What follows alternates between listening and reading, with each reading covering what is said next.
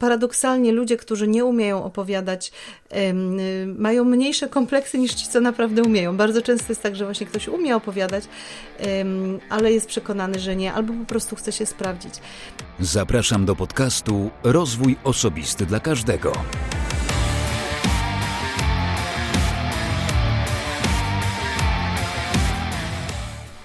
Cześć, ja nazywam się Wojtek Struzik a Ty będziesz słuchać właśnie 91 odcinka podcastu Rozwój Osobisty dla Każdego, który nagrywam dla wszystkich zainteresowanych świadomym i efektywnym rozwojem osobistym. Dzisiaj moim gościem jest Monika Górska, spec, ekspert, fachowiec, jakich mało od storytellingu. Ale zanim przejdę do rozmowy z Moniką, przypomnę, że w 90 odcinku gościem był Maciej Filipkowski, czyli gospodarz podcastu Zaprojektuj swoje życie, a rozmawiałem z Maciejem o porażkach, sukcesach, wygrywaniu. Dlatego jeśli jeszcze nie słuchałeś tego odcinka, to serdecznie zapraszam Cię do tego, abyś to uczynił. Nie wiem, czy orientujesz się, ale jutro jest największe podcastowe wydarzenie 2020 roku Międzynarodowy Dzień Podcastów. Bilety jeszcze są dostępne, więc jeśli myślisz o własnym podcaście lub masz już swoją audycję, ale chcesz z nią wejść na wyższy poziom, to nie możecie zabraknąć na tym wydarzeniu. Wejdź na stronę pyrcaster.pl, pyrcaster pisane przez C, pyrcaster i tam zobaczysz więcej szczegółów. Sprawdzisz, jak wygląda agenda i kto będzie dzielił się swoim doświadczeniem, czyli kto będzie prelegentem na tym wydarzeniu. Zapraszam serdecznie. A teraz czas na odcinek. Nie będę przedstawiał mojego gościa. Taki wyjątek. Bo z jednej strony wcale tego nie trzeba robić, a z drugiej strony każdy, kto choć odrobinę orientuje się w temacie storytellingu, po prostu zna Monikę Górską. A jeśli nie zna, to niech posłucha, jak może przedstawić się mistrz czy nauczyciel storytellingu. Dlatego bez zbędnego przedłużania zapraszam do wysłuchania naszej rozmowy. Wszystkiego dobrego. No właściwie mogłabym powiedzieć cześć. E, mhm. Jestem doktor Monika Górska, e, założycielka Mistrzowskiej Szkoły Storytellingu Biznesowego, Akademii Wideo Storytellingu, autorka książek, wykładowca akademicki, a kiedyś kelnerka i sprzątaczka. Świetnie. Ale tak nie zacznę.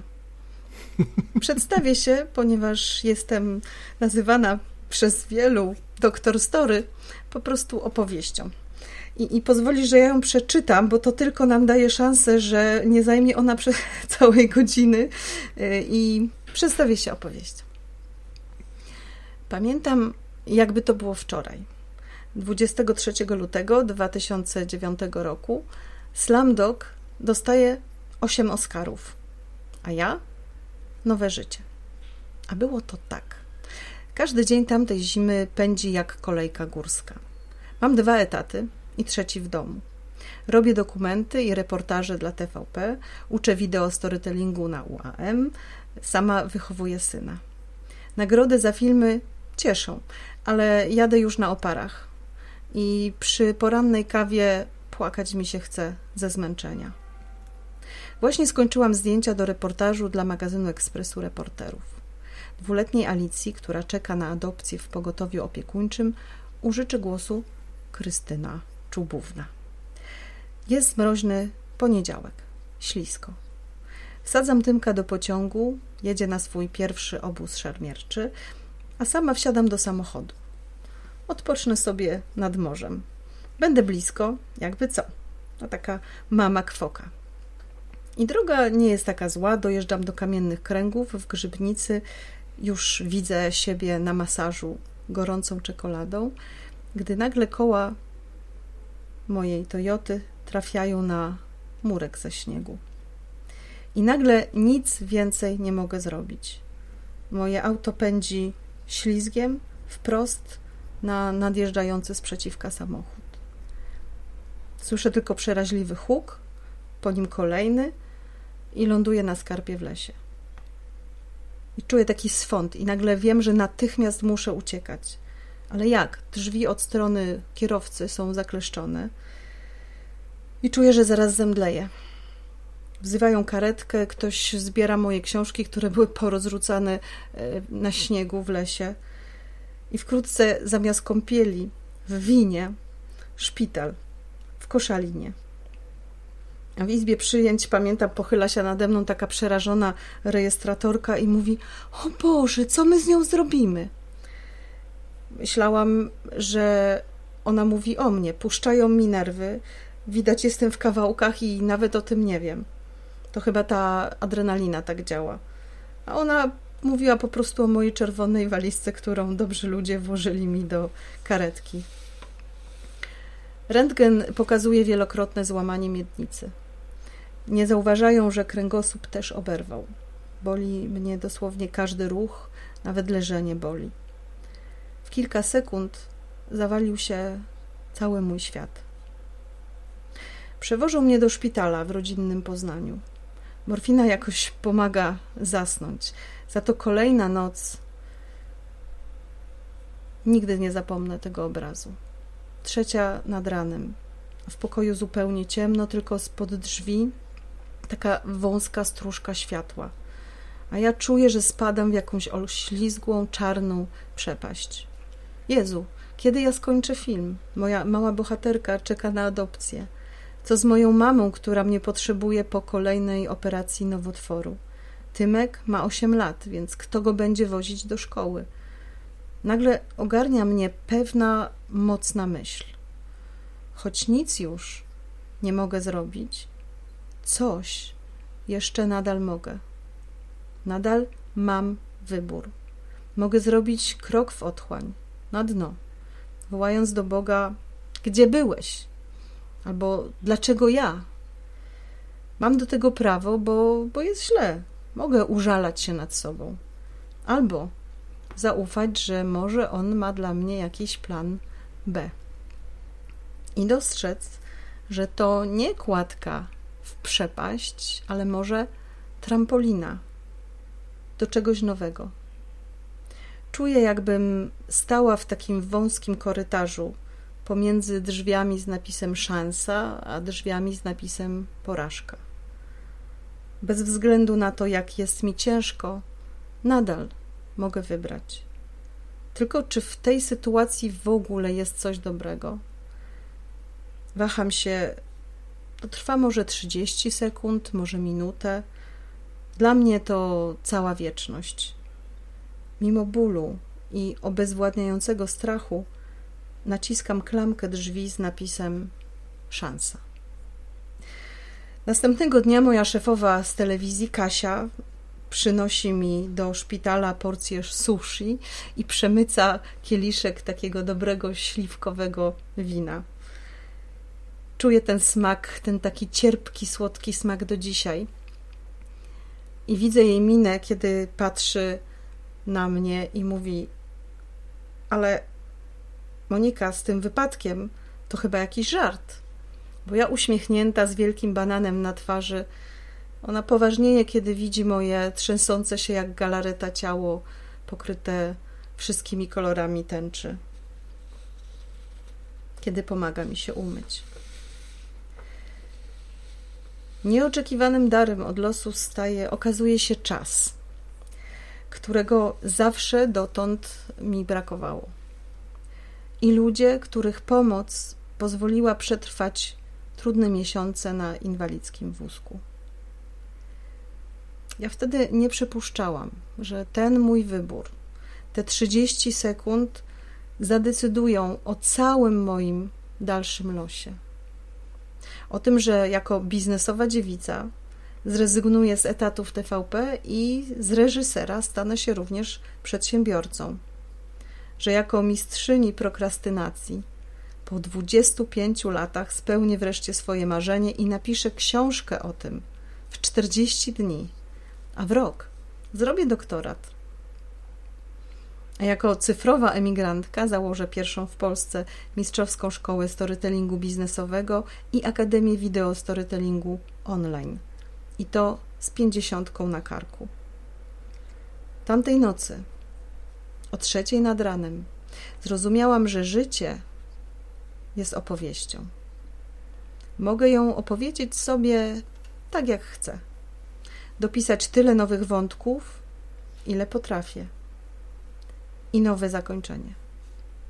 Mogę się obsadzić w roli ofiary lub bohatera. reżysera albo obsługi planu. Mogę zaufać albo nie. Każdego dnia odkrywam na nowo, że mogę wszystko, w tym, który mnie umacnia. I każdego dnia mogę wybrać, czy moja opowieść o życiu, biznesie i świecie będzie kiepską czy dobrą fabułą. Taką na Oscara. Przeżyłam, żeby ci o tym opowiedzieć. Słuchałem z wielkim zainteresowaniem i zastanawiam się, czy kontynuować temat, jaki sobie wspólnie ustaliliśmy, bo do tego Twojego doskonałego wstępu y, nasuwa się bardzo wiele różnych tematów, które można byłoby kontynuować. A ja automatycznie mógłbym skreślić pierwsze pytanie, czy też pierwszy temat, o którym chciałem z Tobą porozmawiać. Ale zanim do tego przejdę, to po tym e, pięknym wstępie i przedstawieniu się tak naprawdę, poproszę Ciebie o jeszcze jedno, żebyś powiedziała, e, chociaż można się pewnie domyślić, co jest Twoją pasją. No, moją pasją, tak jak słusznie powiedziałeś, jest i, i, mam nadzieję, że to widać, e, jest storytelling, czyli sztuka opowiadania. Jest to od właściwie od zawsze, od dzieciństwa, kiedy rozkoszowałam się w książkach, które stały u mnie na półkach. To były opowieści, legendy, bajki, podania e, z dalekich krajów. Kiedyś naliczyłam, ostatnio zrobiłam właśnie porządki, ja nadal mam te książki i ułożyłam taką stertę z nich od podłogi aż po sufit to ja mam 1,72 m, to ta sterta miała 1,90 m i tam było 63 różne książki z właśnie z wszelkimi opowieściami. Y, I to były opowieści nieprawdziwe y, bo u mnie w domu nie było takiej tradycji, że się opowiadało historię. Bardzo, bardzo mi było żal. Dziadkowie byli już nie żyli, bo zginęli obydwoje na wojnie. Babcie nie były w pobliżu. Moja mama, lekarz ortopeda, wiecznie zajęty, y, i jakoś tak y, to moje dzieciństwo było, było właśnie w towarzystwie opowieści nie z tego świata. Y, a w pewnym momencie to się wszystko zmieniło, i ja nagle już nie wracam do tych opowieści, chociaż są one na, nadal właśnie stoją gdzieś tam u mnie na półce, bo odkryłam, że dużo ciekawsze jest, jest słuchanie i kolekcjonowanie opowieści innych ludzi. Y, że te opowieści z życia wzięte, one są, one niosą z sobą niesamowite bogactwo, bo nadal stają się bardzo uniwersalne i niosą takie uniwersalne przesłania, jakbyśmy w bajkach czy w baśniach nazywali morały. Y, natomiast one są właśnie z tego świata, z tego życia. Y, I przekonałam się nieraz w moim życiu, że życie, czy Pan Bóg pisze no, najlepsze scenariusze, że żadna, my tylko możemy odwzorowywać. Więc przez wiele lat, kiedy zaczynałam jako dziennikarz i potem jako reżyser, dokumentalistka, e, kiedyś naliczyłam, że zrobiłam 165 filmów, reportaży, mm, widowisk teatralnych i, i, i, i realizacji koncertów, ale głównie reportaże i, i, dokumenty. To jest taka moja, moja największa pasja, czyli opowiadanie o ludziach, opowiadanie o tym, co nas łączy. Y, ludzi, nas, y, bo przecież mamy bardzo wspólne wartości, mamy też y, bardzo często powtarzają się nam pewne życiowe przygody. My czasami myślimy, jak cierpimy, albo jak przeżywamy jakiś, nie wiem, zawód miłosny, albo y, z pracą coś nie idzie, że to jest takie wyjątkowe i my tak cierpimy. Jesteśmy tacy naprawdę po prostu y, dotknięci przez los. No potem to się okazuje, że tak naprawdę te telenowele, z których się czasami śmiejemy, to są właśnie też pełne takich różnych historii, że, że te nasze losy są bardzo podobne. I, I to chyba kocham najbardziej w opowieściach, że one nam bardzo porządkują świat, że one nadają sens y, temu nonsensownemu często światu, światowi przez to, że mają jakieś wspólne, dotykają wspólnych emocji, y, mówią o jakichś wspólnych wartościach uniwersalnych na całym świecie, bo ja to też sprawdzałam dzieląc się różnymi opowieściami z moimi studentami z Chin, e, z Norwegii czy z Turcji e, i się okazało, że reagują na te opowieści tak samo, że, że mamy to wspólne, że to jest coś ponad czasowego i ponad przestrzenią. I to mnie tak bardzo fascynuje w sztuce opowiadania, że to zawsze było od 100 tysięcy lat, zawsze będzie że to można y, opowiadać różnym językiem, że to można te opowieści opowiadać słowami, można ruchem, gestem, tańcem, jak kiedyś przecież w Japonii i do dzisiaj to się robi. Można obrazem, można muzyką, przecież cztery pory roku to jest, to jest czysta opowie opowieść o życiu dworskim, o polowaniu. Tam nawet jak e, masz e, taką serię wystrzałów na polowaniu w jesieni, w trzeciej części, no to tam są trzydziestki dwójki, że zdecydowanie można wysłuchać, że tam są rzeczywiście strzały. No muzyka wiadomo, programowa, ilustratywna. Y, można też pięknie opowiadać językiem filmu i to jest y, ten język, który mi jest najbliższy, bo oprócz słów, które kocham, y, są też właśnie obrazy, są te łączenia obrazów, które się dzieją na montażu, łączenia dźwięków, które dodają nowej jakości w tej sztuce opowiadania. Także to, to zawsze było moją pasją, a teraz od właśnie po tym wypadku zdarzyło się tak, że ja zaczęłam, czyli od od opowieści nie z tego świata przeszłam do opowieści z życia wziętych innych ludzi, a teraz y, otworzyłam się i zaczęłam się od niedawna, to jest dosłownie jakieś 5-6 lat, zaczęłam się dzielić też opowieściami z mojego życia. Nie dzieliłam się wcześniej, bo byłam przekonana święcie, że jestem nudziarą i to nie są tylko moje słowa, ale też koleżanka mi kiedyś tak bardzo dosadnie powiedziała. E, I od tamtego czasu stwierdziłam, że skoro tak lubię mówić, jak, mów, jak lubię i jak słychać, to i, i, i czuję, że mam coś ważnego do przekazania, bo, bo ja staram się nie gadać dla samego gadania, tylko gdzieś tam zawsze jest coś, y, jakiś, jakaś rzecz, którą warto poruszyć, coś, może jakąś nadzieję komuś mogę dodać tymi gadaniami, albo może trochę więcej wiary. To, y, bo po to ja głównie gadam i po to opowiadam, to, to jeżeli, jeżeli chcę to robić, no to po prostu muszę się nauczyć opowiadać. I myślę, że to był taki sekretny, e, sekret, to mój jest taki wstydliwy sekret, który, który był początkiem storytellingu. Dlaczego ja się musiałam sama nauczyć opowiadać i potem zaczęłam o, e, uczyć tego, e, tej sztuki opowiadania innych i zawsze twierdzę, że oczywiście każdy z nas jest inny, ale jeżeli ja się zdołałam nauczyć opowiadać i teraz, kiedy opowiadam tą historię, to ludzie nie wierzą mi, no to jest moim zdaniem najlepszy dowód na to, że naprawdę każdy może się nauczyć, jeżeli dostaje odpowiednie narzędzia, jeżeli dostaje odpowiednie e, takie, można powiedzieć, chodziki, które pomagają się poruszać po tym świecie opowieści. To ja jednak chyba skreślę to pytanie, bo zarówno w tym momencie, kiedy przedstawiałaś siebie, opowiadając swoją historię w bardzo ciekawy sposób, i teraz mówiąc o swojej pasji, no to pytanie, czym jest storytelling, wydaje się być już tutaj naprawdę nie na miejscu. Ale mogę, ale mogę. Powiedzmy, ale powiedzmy już y, y, tym wszystkim, którzy trochę niby wiedzą, no storytelling, opowiadanie historii, wiesz, można opowiedzieć historię bardzo krótko, można opowiedzieć, y, są pytania zamknięte i otwarte, tak. na pytanie zamknięte nie odpowiemy inaczej jak tak lub nie, ale mhm. na pytania otwarte można opowiadać godzinami na jedno pytanie. E, I teraz e, ja doświadczyłem czegoś takiego w takim bardzo amatorskim, e, powiedzmy, wydaniu, w momencie, kiedy poznałem ludzi i grupę mm, uczestników Toastmasters, gdzie są takie gorące pytania i wychodzisz i ktoś ci zadaje przykładowe pytanie, chyba moje pierwsze na pierwszym moim wyjściu, wolisz koszulę gładką czy w kratkę?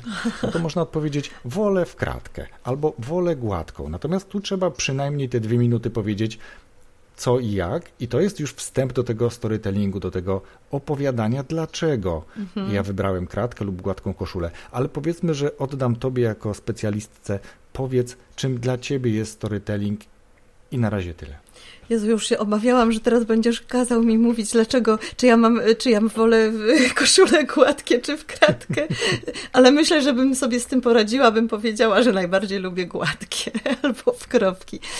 Storytelling to jest sztuka świadomego oddziaływania na emocje i na wyobraźnię ludzi. Za pomocą opowieści z życia wziętych, przynajmniej w storytellingu biznesowym, mhm. bo ja bardzo wierzę, że, że w biznesie trzeba używać prawdziwych, autentycznych opowieści.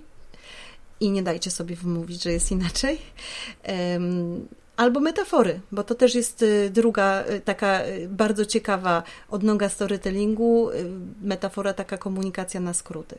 I to się robi po to, żeby w bardzo krótkim czasie, bardzo intensywnie oddziałać na człowieka po to, żeby zbudować z nim relacje, żeby on cię zrozumiał, żeby pociągnąć go tym, co w tobie w duszy gra. I tu powiedziałeś o bardzo ważnej rzeczy przed chwilą, właśnie, że, że opowieści to nie są anegdoty, gdzie owszem, poruszamy emocje, może być nawet śmiesznie albo smutno, jak w legendzie miejskiej, tylko y, tam nic dalej jakby z tego nie wynika dla człowieka, więc to jest to dlaczego, o którym powiedziałeś, że trzeba uzasadnić. Jakby opowieść się, dlatego podkreśliłam to słowo świadome, że opowieść zawsze, i to jest z definicji, jeżeli opowiadamy opowieść, to tutaj musi być głębsze dno. Jak na przykład, nie wiem, czy lubisz y, słodycze, ja uwielbiam. na przykład masz sernik i tort. Wyglądasz tak szczupło, że chyba nie lubisz za bardzo, ale zobacz, masz sernik i tort. No to y, anegdota to będzie tak jak taki sernik, czyli mamy powiedzmy tą warstewkę kruchą i potem mamy dużo sera i to jest pyszne. Bardzo to lubimy ale jeżeli chcemy pójść głębiej, to tutaj bardziej będzie obraz tortu. Można też cebuli, jak to woli, czyli mamy te warstwy. E, mamy warstwę tą zewnętrzną, taką, która przykuwa naszą uwagę, ale potem idziemy głębiej i głębiej do warstwy emocji, do warstwy wartości, do warstwy przesłania, bo tak naprawdę opowieść zaczynamy od przesłania, czyli po co ja ci w ogóle to chcę opowiedzieć, po co ja chcę za zajmować twój cenny czas. No, zobacz, moja opowieść, którą podzieliłam się z Wami na początku, y, to, y, to ja naprawdę nie muszę wszystkim opowiadać o moim wypadku. Ja już to przeżyłam. To było 11 lat temu. Dzisiaj już nawet potrafię tańczyć na szpilkach, więc nawet śladów tego wypadku nie ma. Mm, tylko są ślady te właśnie, które zmieniły moje życie. Natomiast y, ja ją tylko opowiadam dla jednego celu. I będę opowiadała pewno do końca życia, żeby właśnie ktoś, słuchając jej, zrozumiał, że ma wybór, że może wybrać, czy jego życie czy biznes nawet y, jest, y, będzie dobrą fabułą i kiepską fabułą, to nie znaczy, że ma wybór, mamy wybór na wszystko, co nam się przytrafia, no bo nie mamy oczywiście i oczywiście, że są sytuacje, w których już nic więcej nie możemy zrobić, prawda? Bo jeżeli ktoś umiera albo ma jakąś chorobę właśnie, czy, czy się urodził w jakichś takich skrajnych warunkach, no to, to oczywiście z pełnym szacunkiem to taka opowieść no, może nie pocieszyć go, ale jednocześnie chcę pokazać, że w każdej sytuacji, nawet w tak ekstremalnej tak dramatycznej, my nadal sobie o tej sytuacji opowiadamy opowieść. Wielu moich bohaterów filmu byli naprawdę w skrajnych sytuacjach i to takich na granicy życia i śmierci, a jednak potrafili w tym strasznym cierpieniu, które im się przytrafiło, opowiedzieć sobie o tym taką historię, że była to jednak opowieść zwycięska, że na bazie tego cierpienia potrafili to cierpienie przekuć na przykład w pomaganie innym. Na przykład jest taka niesamowita dziewczyna, która pewno znana jest Wam, e, Agnieszka Kaluga, która napisała mm, zorkownie, myślę odsiewnie, blogerka roku, blogerka, najlepszy blog, mm, blog literacki. Ona tam zgarnęła e, kilka lat temu wszelkie możliwe nagrody za blogi. Była też e, wolontariuszką w hospicjum, ale kiedy myśmy się poznały, to było przy okazji filmu Moje dziecko jest aniołem. E, to była po prostu mama po stracie dziecka, małej Martynki, która jeszcze wtedy nie potrafiła sobie z tym problemem poradzić która szukała, jak w ogóle żyć, w tym, w tym czasie i, i, i o tym tak prze, pięknie i przejmująco opowiedziała w tym filmie i pokazała kawałek swojego życia, a właśnie kilka lat później nagle poszła do hospicjum, zaczęła pomagać, potem napisała e, swoje, zaczęła pisać swoje opowiadania, potem z życia wzięte, potem z tego powstał blog i tak dalej, i tak dalej. Także to są takie historie, które mnie bardzo fascynują, gdzie, gdzie możemy wybrać opowieść, którą mamy w swojej głowie. Niedawno trafiłam, y, dosłownie jakieś kilka tygodni temu na Brené Brown, y, to znaczy na Brené Brown to trafiłam dawno, ale konkretnie na tę jej książkę o sile odwagi chyba, jeżeli dobrze pamiętam. I ona tam dokładnie pisze jakby moje słowa, jakby mnie podsłuchała kilka lat temu, jak opowiadałam tą historię. Y, I, i, i to właśnie tak jest, że, że mamy wybór. Ja w to bardzo wierzę i w dzisiejszych czasach również, gdzie nam się wydaje, że właśnie jesteśmy skazani na to, co się dzieje, czy, czy, czy politycznie, czy historycznie, czy, czy, czy z naszym klimatem, czy z naszym y, zdrowiem, mm, epidemią i tak dalej, to my ciągle jeszcze mamy wybór. My jeszcze ciągle możemy się obsadzić y, w tej roli, w, którą, w której chcemy i to jest, y, to, to niesie olbrzymią nadzieję. Mhm. Bardzo Ci dziękuję y, za to, co powiedziałaś, bo ja bardzo lubię historię, uczę się ich opowiadać, a bardzo lubię słuchać. Natomiast chcę powiedzieć, że znamy na pewno, mamy w swoich znajomych takie osoby, które z jednej strony takie osoby, które potrafią świetnie opowiadać dowcipy i na każdym e, jakimś większym lub mniejszym zebraniu, e, czy to rodzinnym, czy służbowym, opowiedzą taki dowcip i, i zbudują jakieś wesołe napięcie. E, ale są też takie osoby, które próbują opowiadać te dowcipy i im nie wychodzi. Ja. Ten sam dowcip, prawda? Ten sam dowcip spalą. To się mówi, że się pali, pali dowcip, bo, bo gdzieś nie, nie po kolei się tą historię w tym dowcipie opowiada.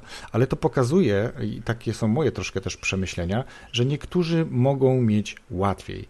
Niektórym łatwiej przychodzi dość naturalnie właśnie to opowiadanie dowcipów i podobnie jest, tak moim zdaniem, z opowiadaniem historii. Niektórym to przychodzi łatwiej. Potrafią budować napięcie, potrafią przechodzić między różnymi wątkami po to, żeby na końcu spuentować, o co tak naprawdę w tym wszystkim chodziło. I teraz jeżeli ktoś inny nie potrafi tego zrobić, to on bardzo krótko przejdzie do końca. Mhm. On jakby nie zaciekawi w trakcie, tak? Bo mówimy, że jakby jeżeli chodzi o prezentację na przykład, no to przez dużą część prezentacji nie skupiamy się już na tej treści. Pamiętamy początek i pamiętamy koniec i być może jakieś jeden czy dwa takie ważne elementy zwrotne. I teraz powiedziałaś, że ty też nie potrafiłaś opowiadać takich historii. Mhm. Dzisiaj uczysz tego, jesteś, można powiedzieć, mistrzynią i dałaś tego przykład tutaj e, już e, przez te kilkanaście minut w tym podcaście. Jak nauczyć się opowiadać historię tak, żeby zaciekawić odbiorców, a później, bo powiedziałaś o storytellingu biznesowym, żeby umieć sprzedawać poprzez historię. Jeszcze tylko zanim Ci pozwolę odpowiedzieć, to powiem, że być może Trudno nam sobie dzisiaj wyobrazić sprzedawcę aut, który przyjdzie i nie będzie opowiadał o produkcie, że ten samochód ma tyle poduszek, ma takie koła i, i taki silnik, bo, bo tak sprzedajemy dzisiaj, tak większość e, tych sprzedawców sprzedaje samochody. I trudno nam sobie wyobrazić człowieka, który podejdzie, będzie nam opowiadał historię, gdzie tym autem możemy pojechać, jak się możemy czuć i tak dalej, i tak dalej, bo to trochę jeszcze nie do końca chyba jesteśmy gotowi na taką sprzedaż tych samochodów. W Ameryce może prędzej. Więc jak nauczyć się sprzedawać, jak nauczyć się opowiadać najpierw historię, a później tak opowiadać, żeby sprzedawać? No to mamy tutaj e, cykl 10, 10 podcastów już załatwiony, ale powiem tak. Po pierwsze, zacznę od tego, że ja do dzisiaj nadal nie umiem opowiadać dowcipów ponieważ y, no, to jest właśnie moja natura, że ja nie umiem opowiadać i na dowcipach to widać. Natomiast tym się różni dowcip od, od opowieści, że ja opowieść opowiadam po coś. Czyli to, że ja wiem, po co ja to mówię, że chcę komuś pomóc, coś zrozumieć, albo czegoś doświadczyć, albo po prostu się wzmocnić, bo to jest, to jest moja motywacja, jest tak ważne, że ja przestaję myśleć, że nie mam talentu, że może będę głupio mówiła, że zaraz nikt nie będzie mnie słuchał, tylko po prostu to mówię dla, dla tego mojego dlaczego. I ja myślę, że to jest w ogóle, wiesz, punkt wyjściowy, to znaczy, żeby wiedzieć, po co się opowiada, i jak już wiesz, to jest dużo łatwiej, i wtedy ja ci mogę dać narzędzia. Jeżeli nie wiesz, po co opowiadasz, albo chcesz, nie daj Boże, zrobić, znaczy, nie, nie daj Boże, to też źle powiedziałam. Jak chcesz zrobić show, no to opowiadaj dowcipy i wtedy naprawdę to też jest ważne, że można się trochę pośmiać, że możemy trochę y, po prostu odreagować od tej rzeczywistości. Tylko to nie jest storytelling. Storytelling jest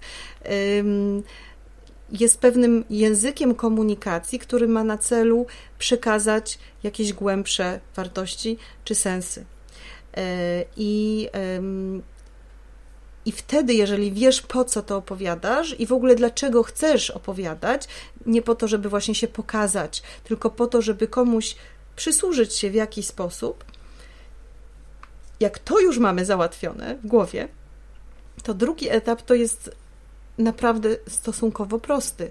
To wtedy wystarczy wziąć kilka narzędzi i ja, wiesz, ja mam fabrykę opowieści, ja ją stworzyłam po to, żeby te narzędzia dawać. Tam jest, wszy... ja, mam nawet taki claim, że o storytellingu praktycznie wszystko. I to dokładnie tak, to, to dokładnie tak znaczy. Tam naprawdę jest wszystko o storytellingu, bo tam jest i o storytellingu biznesowym, i o storytellingu takim właśnie, e, takim na co dzień w masterclass, i też jest o wideo storytellingu, który kocham nad życie, bo to, tak jak mówię, jest e, takim najpełniejszy sposób na wyrażanie i na poruszanie też e, serc ludzi. Więc tam, tam to wszystko jest, tam są narzędzia. Ja bym zaczęła od przede wszystkim od któregoś z narzędzi y, do budowania struktury. Bo myślę, że to bardzo szybko, jak zaczniesz y, stosować, to, to naprawdę nie zajmuje wiele czasu, jak zrozumiesz, jak to działa. U mnie to studenci się tego uczą przez godzinę i potem piszą opowieści, więc to jest naprawdę, to, to mówimy o bardzo krótkim relatywnie czasie. Oczywiście potem trzeba to praktykować, ale ja po tej godzinie już widzę, jaki jest rezultat, więc, więc rzeczywiście to tak działa.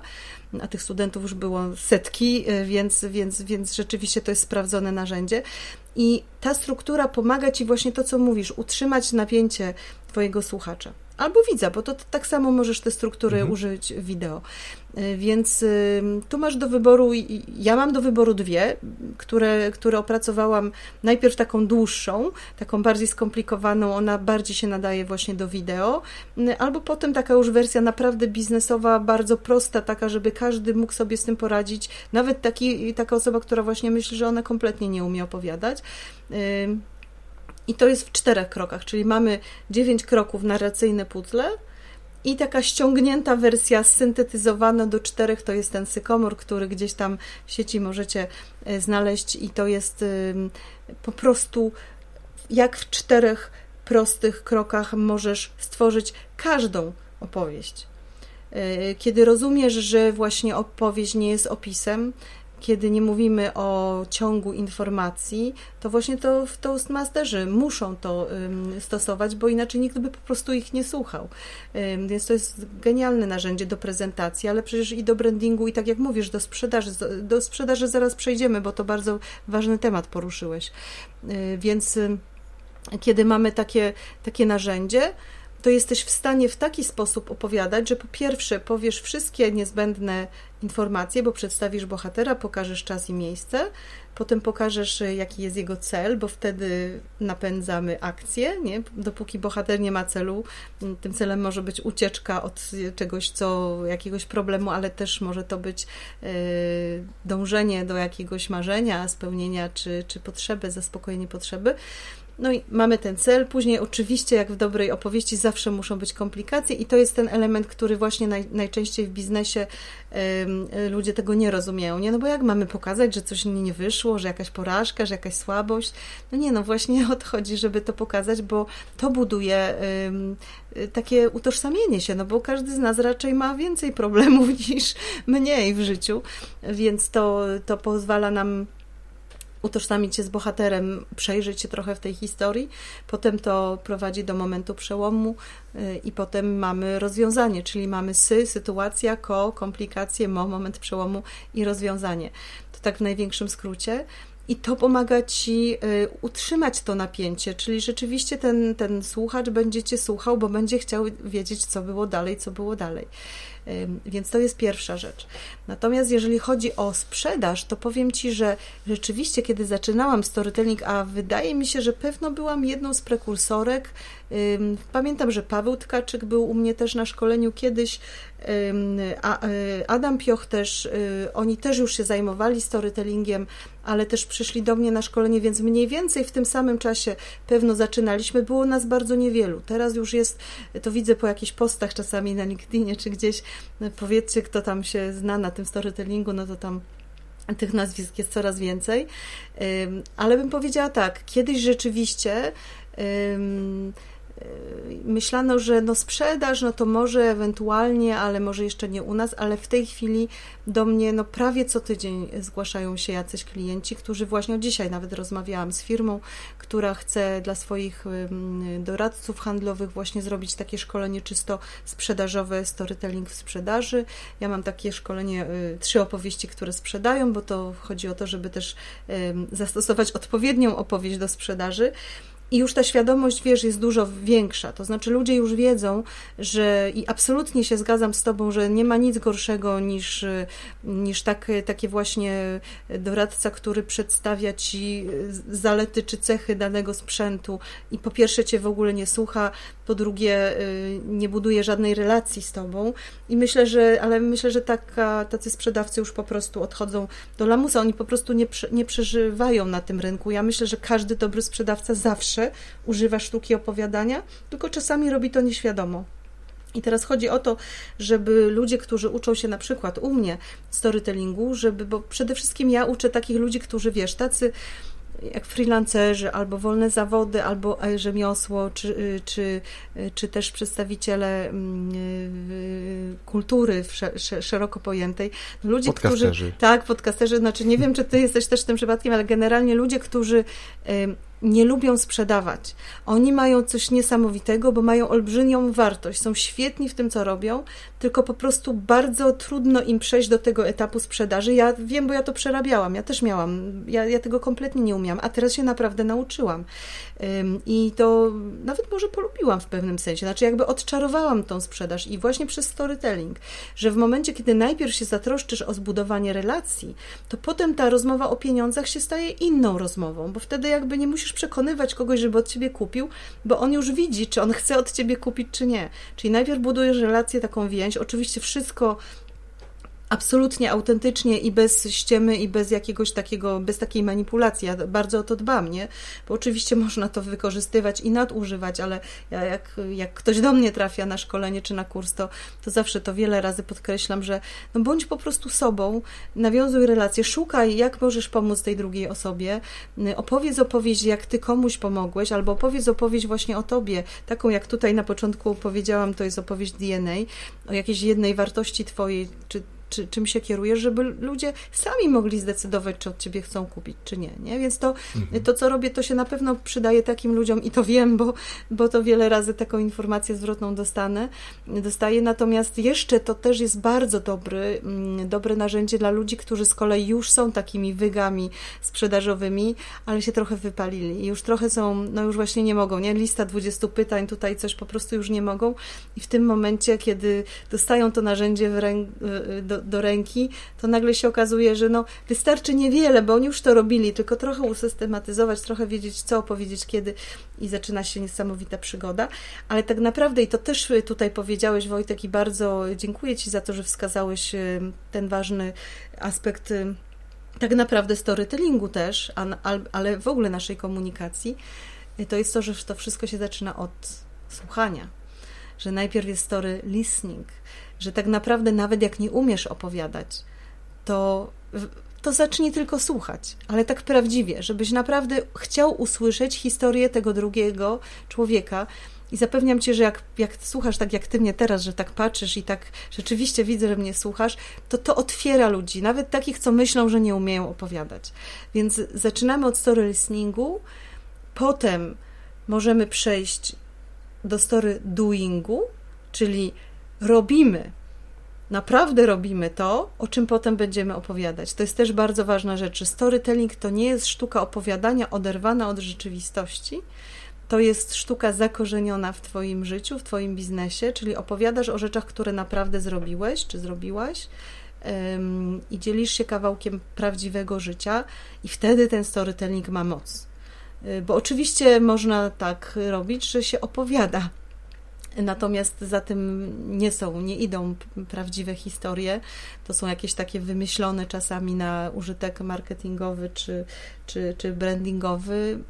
Ja tego nie lubię. Może ktoś robić, może nawet mieć jakieś sukcesy.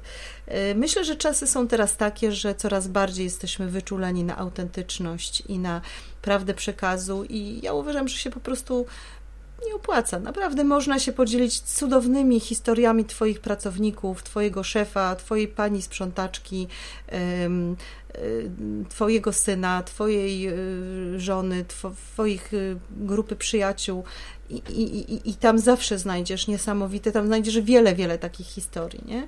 Jak będziesz też to opowiadać, to właśnie ludzie, którzy, tak jak mówisz, trochę się boją, że nie wiedzą, że nie są pewni, tak mówisz y, historię, dobra historia jest wtedy, kiedy w, w głowie się wyświetla film że ty, jak ja ci opowiadałam ten film, y, moją opowieść, to mam nadzieję, że zobaczyłeś tą Toyotę, mam nadzieję, że zobaczyłeś ten murek ze te śniegu. Tak, te, te książki, tą czerwoną walizkę, że, że, że tą stróżkę światła może.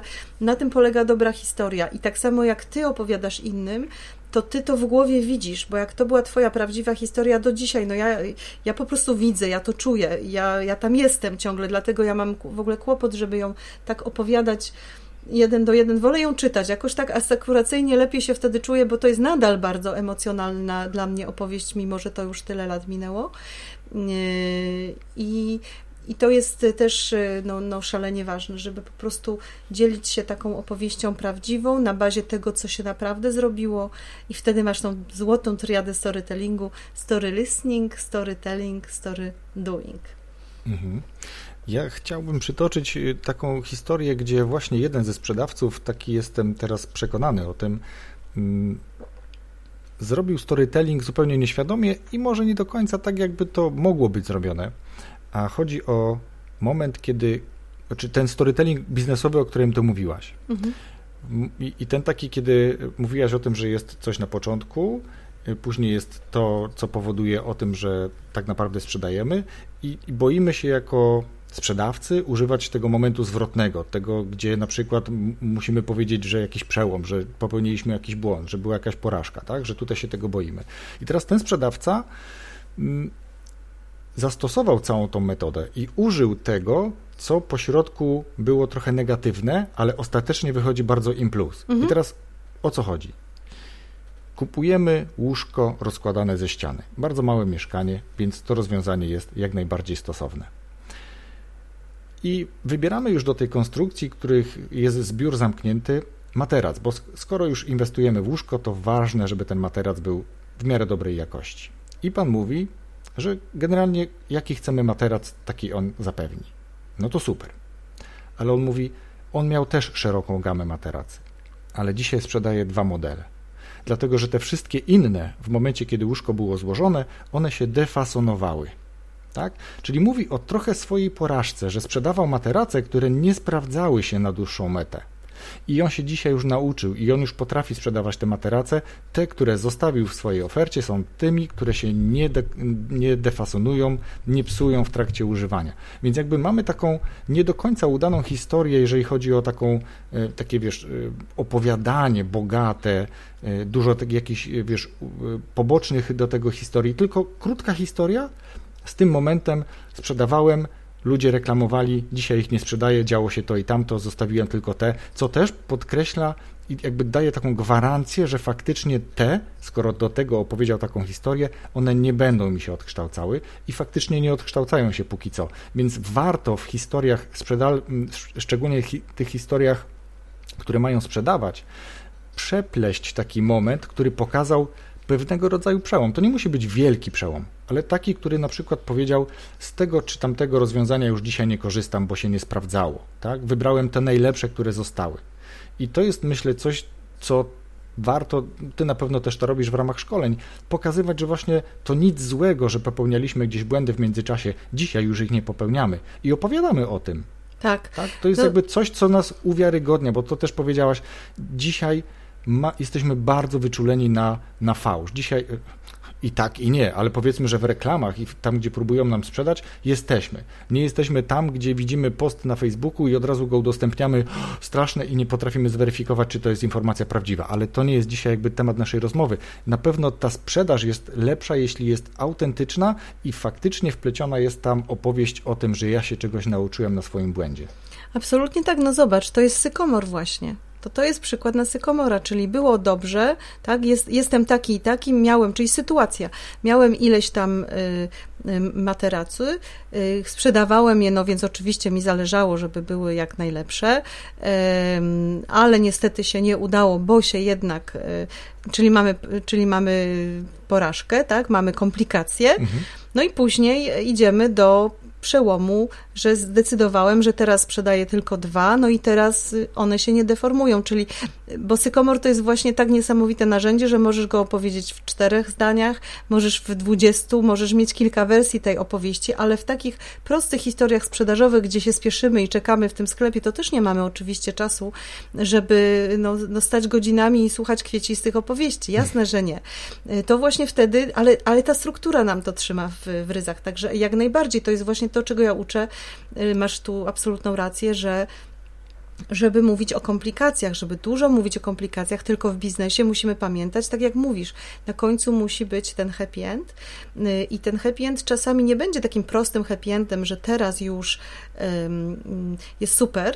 Może też być, że dałem ciała i nadal jest źle, ale lekcja, która się z tego, z którą z tego się nauczyłem, czy nauczyłam, sprawia, że teraz już będę robił coś innego i to buduje niezwykłą wiarygodność, paradoksalnie, i zaufanie tego człowieka, który y, słucha. No bo mówi, no jeżeli on mi się uczciwie przyznał, że dał ciała, no to jest swój chłop, nie? No to, to znaczy, że tak, no uczciwie mówi, jest szczery, nie? I to mhm. jest rzeczywiście. A to, a to sprzedaje. Tak, i to sprzedaje, i to jest właśnie ja, ja myślę, że ja nigdy w życiu bym jako reżyser i scenarzysta i dziennikarz z pasji i wykładowca akademicki też z pasji, bo ja mam, miałam zawsze te dwie nogi i uczyłam i robiłam filmy od zawsze. To, to tyle samo uczę, ile, ile, ile to robię, więc myślę, że dlatego też mogę być taka praktyczna, w sensie, że rzeczywiście to wszystko jest sprawdzone. To nie jest, że sobie wymyśliłam nagle, że to będę robić, tylko po prostu to zawsze robiłam to ja z takim rodowodem artystyczno-edukacyjnym w życiu bym nie przeszła na tą stronę biznesową, y, do marketingu, do brandingu, do, do sprzedaży. Mm, to po prostu nie mieściło się w moim świecie kiedyś. I jeżeli się teraz mieści, to tylko dlatego, że zauważyłam i to było, kiedy, kiedy dotarło do mnie, co napisał Filip Kettler w marketingu 3.0, no teraz już jest marketing 4.0, o tym, że nagle zmienia się nasza komunikacja również w biznesie, że nagle po tej drugiej stronie już nie jest tylko produkt albo nie jest tylko klient czy konsument, tylko jest cały człowiek z duszą, mhm. z ciałem, z, z emocjami.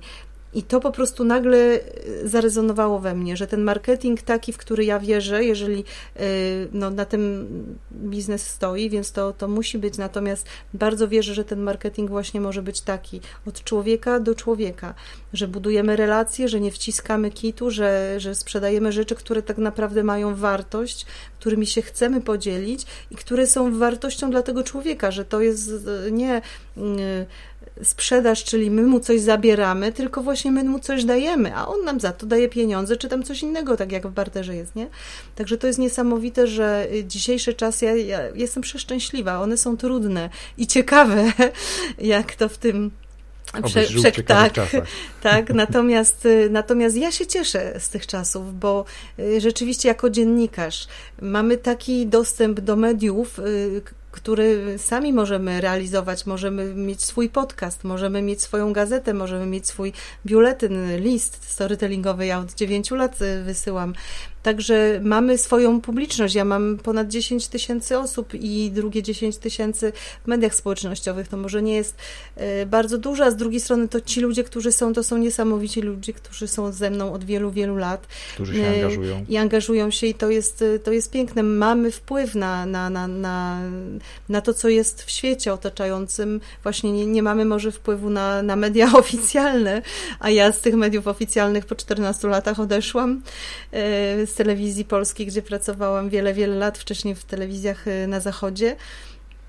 E, I, i, i, I właśnie po to, żeby mówić swoim głosem też, żeby mówić o tych rzeczach, które moim zdaniem są ważne i które e, realizują pewną misję, którą niestety telewizja publiczna w pewnym momencie już przestała realizować. I to nie teraz się stało, to się stało już ładnych kilka lat temu i to jest dla mnie do dzisiaj trochę takim no, bolesnym miejscem, bo bo rzeczywiście specjalistów w telewizji no, mamy fantastycznych, albo mieliśmy raczej, a, a to wszystko trochę tak się poszło gdzieś tam, no trochę szkoda, zawsze mi żal, kiedy jakiś wielki potencjał się marnuje. Bardzo cieszę się, że powiedziałaś o tych relacjach z drugim człowiekiem, o tym, że dzisiaj już nie sprzedajemy jako tako stricte produktu, usługi, e, ale sprzedajemy w rozmowie czy w relacji z drugim człowiekiem. Dokładnie o tym rozmawiałem z Marcinem Banaszkiewiczem, który, e, który był też gościem w tym podcaście i dokładnie o tym opowiadał, bo tak się, wiesz, zakorzeniło nam w głowach bardzo często, wiemy co to jest B2B, co to jest B2C i nagle co, co to jest jakieś H2H, tak? Co, co, co to się dzieje? No i to jest właśnie coś, co, co dzisiaj jest, bo powiedziałaś ten marketing 4.0, to jest właśnie to, że dzisiaj musimy się skierować na relacje z drugim człowiekiem i nie patrzeć stricte wynikowo, ale właśnie trochę bardziej relacyjnie. I ja mam jedną rzecz jeszcze tak na końcu, którą chciałem o którą chciałem Ciebie zapytać, ale myślę, że to jest też świetny moment do tego, żebyś Ty powiedziała o Twoim produkcie, który raz w roku, bo to chwilę rozmawialiśmy przed samym nagraniem, który raz w roku udostępniasz i powiedz właśnie, co to jest. Ja myślę, że to jest też od razu odpowiedź na to pytanie, a to pytanie miało brzmieć, jak się nauczyć storytellingu, więc co to za narzędzie, które udostępniasz? E, teraz jest rzeczywiście jestem taka podekscytowana, bo, mm, bo ja y, najpierw zaczęłam od mistrzowskiej szkoły storytellingu biznesowego. To była pierwsza i chyba nadal jest pierwsza szkoła biznesowego storytellingu w Polsce. I, i do dzisiaj ona trwa. Teraz już jest y, szósta. Jezu, Szósta edycja, tak, a już myślałam, że siódma nie. Teraz jest szósta edycja. I tam się dzieją, dzieją rzeczy niezwykłe i to oczywiście można wszystko powiedzieć.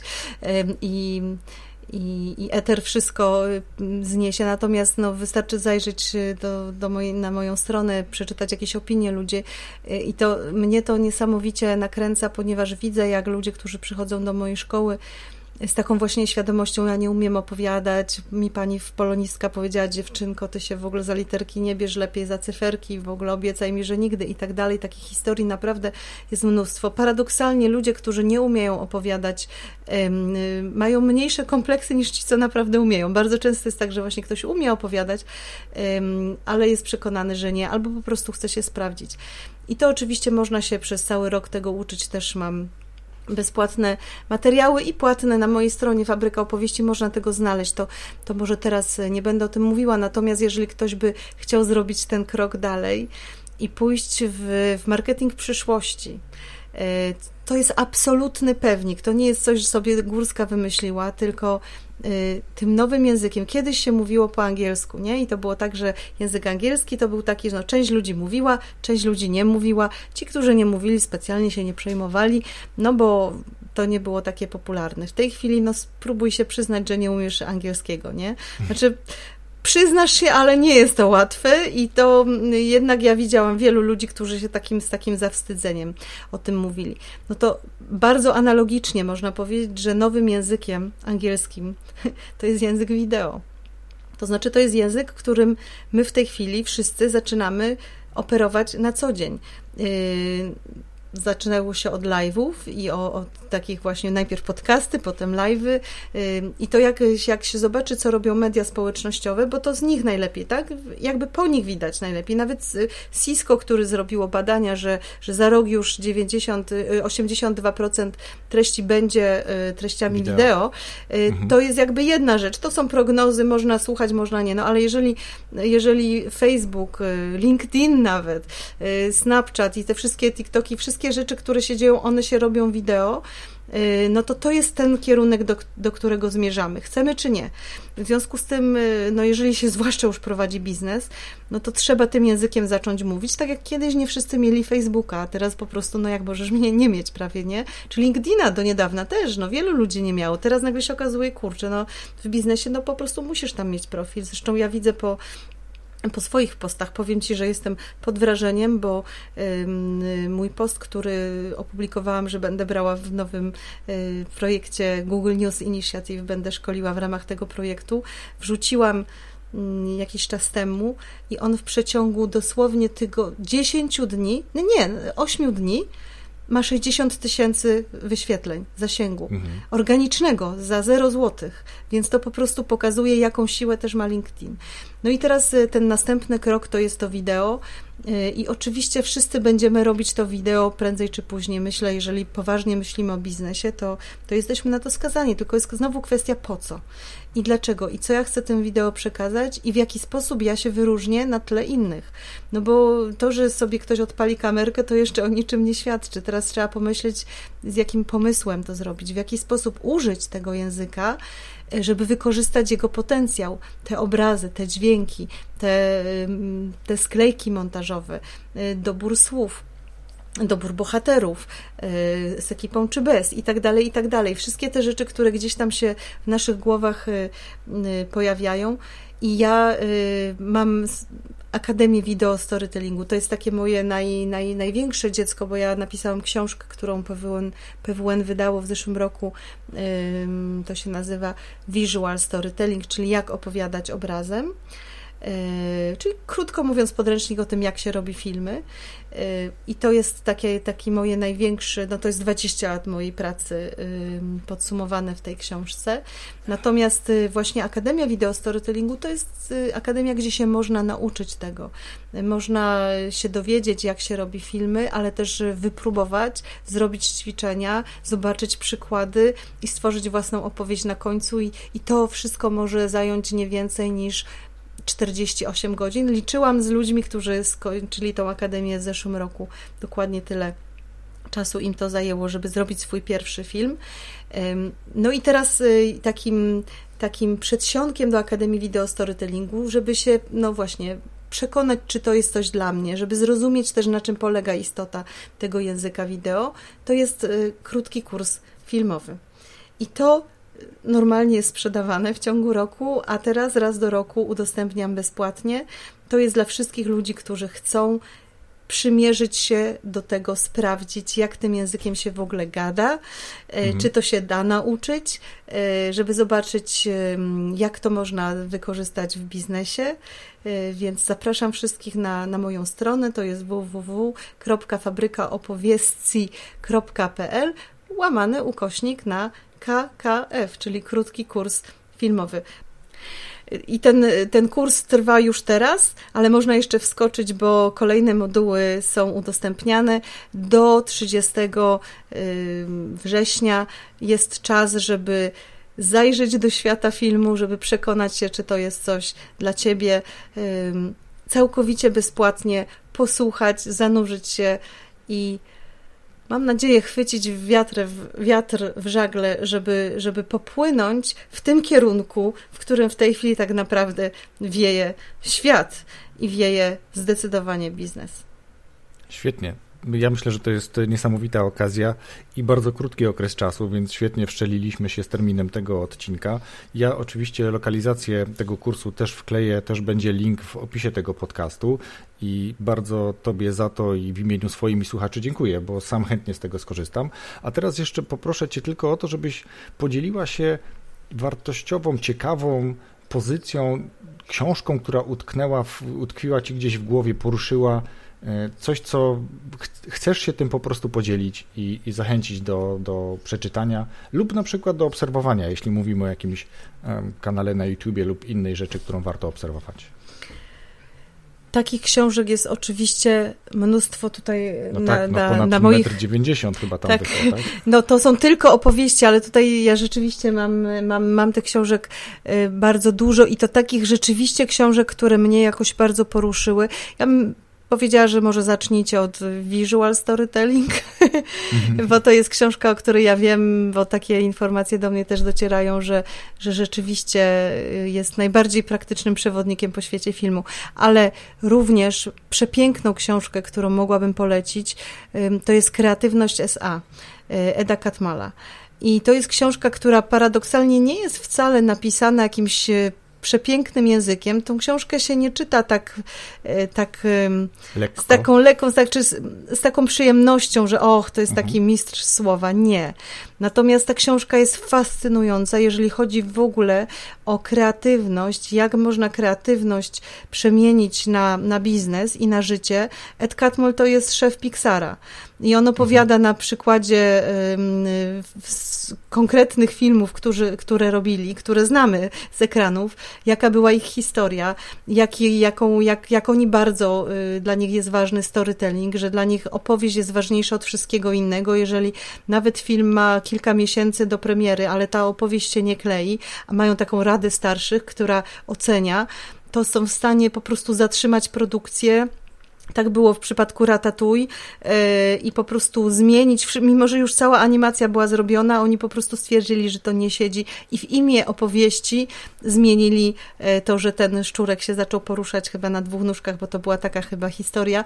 I, i, i mnóstwo takich historii, gdzie ja, ja po prostu uwielbiam tą książkę, bo to pokazuje, że ktoś, kto służy naprawdę opowieściom, jest w stanie poświęcić dla tego bardzo wiele, ale też efekty są niesamowite. I on pokazuje, jak to właśnie działa, funkcjonuje w ich pracy. Tam jest też przepiękny, e, przepiękne wzmianki i, i, i fragment rozdziału o Steve'ie Jobsie, który, jak wiemy, e, wykupił wykupił e, oddział Lucas filmu i zrobił z tego Pixara. I to jest, i potem zresztą doprowadził z powrotem do fuzji z Disneyem, co też w ogóle było bardzo ciekawe. I to jest taka część, która pokazuje Steve'a Jobsa zupełnie z innej strony. My ją znamy z też świetnej książki e, biografii Jobsa, a, i, i, znamy go jako takiego wrednego egoistę, który po prostu pomiatał innymi ludźmi i też y, swoją własną córką. Natomiast w tej książce widzimy zupełnie inne oblicze jego, jego takiego pokornego, takiego um, naprawdę on, on uratował i Pixara i myślę, że w ogóle świat animacji i powiedział, że gdyby kiedyś, gdyby wierzył w reinkarnację, to gdyby się miał kiedyś odrodzić, to chciałby być reżyserem filmów animowanych. Także piękna, wzruszająca książka, bardzo otwierająca y, umysł.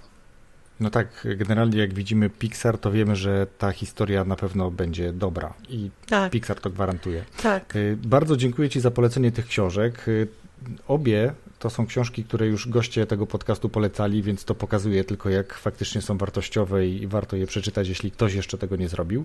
Mm, a ja jeszcze zapytam Ciebie już tak naprawdę na koniec, jeżeli ktoś, myślę, że takie osoby się pojawią, jest zainteresowany tym, żeby nawiązać z Tobą jakiś kontakt, zaprosić Cię do siebie, do firmy, albo dowiedzieć się trochę więcej o Tobie, gdzie najlepiej Ciebie szukać, czy to jest LinkedIn, czy to jest Facebook, czy to jest Twoja strona, gdzie najszybciej, najsprawniej reagujesz na ewentualne zapytania? Myślę, że takim najprostszym y, krokiem do mnie to jest moja strona www.fabrykaopowieści.pl. Tam jest formularz kontaktowy, tam jest telefon, e, można zadzwonić, e, umówić się, jest mail również, albo LinkedIn chyba. Myślę, że to jest rzeczywiście takie miejsce, gdzie ja też odpowiadam na wiadomości, bo na Facebooku nie zawsze odpowiem, a na LinkedInie rzeczywiście jest tak, że jeżeli ktoś ma rzeczywiście taką y, ważną informację albo chce jakiegoś wsparcia, wsparcia, to, to jeżeli tylko jestem w stanie, bo czasami tego czasu w dobie brakuje, ale to nawet jak nie od razu, to po jakimś czasie e, się odezwę i, i jeżeli tylko będę mogła, to, to z przyjemnością pomogę. Wszystkie te lokalizacje w sieci podlinkuję w opisie tego podcastu. A teraz bardzo dziękuję Ci za tą bardzo ciekawą rozmowę i ten chyba niepowtarzalny, jedyny i oryginalny sposób, w jaki przedstawiłaś się na samym początku. Bardzo dziękuję. Dziękuję bardzo i wszystkich serdecznie pozdrawiam. I, i teraz po prostu nie ma już żadnej wymówki, tylko do roboty piszcie opowieści. Rozwój osobisty dla każdego.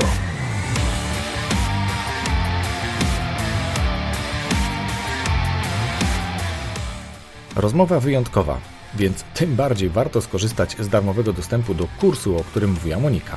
Link znajdziesz w opisie tego odcinka na stronie Rozwój Osobisty dla Każdego. Warto też obserwować stronę podcastu na Facebooku czy też na Instagramie. Oczywiście nazwa Rozwój Osobisty dla Każdego. A teraz czas podziękować patronom, którzy genialnie mnie wspierają i tym samym biorą realny wpływ, czy mają realny wpływ na rozwój tego podcastu mają nie tylko dostęp za kulisy, ale faktycznie tworzą go razem ze mną. Propozycje gości podcastu, pomysły na tematy i pytania, jakie zadają, czy jakie ja zadaję gościom, powoduje, że stają się tak naprawdę współtwórcami tego podcastu. A ja w zamian za to wsparcie robię co mogę. W ostatnich dniach na przykład patroni dostali kolejną książkę, tym razem od Macieja Sasina z podcastu Na zdrowie organizacji. Dzięki Maciej. Kolejne książki dla wspierających patronów są już w drodze.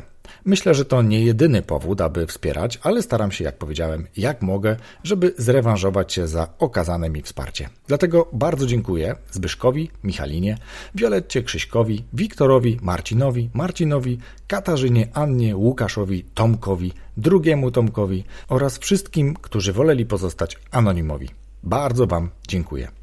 A jeśli i Ty chcesz mieć wpływ na rozwój tego podcastu, czujesz, że to, co publikuję, jest wartościowe, jest Ci bliskie i chcesz mnie wesprzeć, wystarczy, że wejdziesz na stronę patronite.pl łamane przez RODK, czyli tak naprawdę patronite.pl łamane przez RODK i wybierzesz dogodny dla siebie próg wsparcia.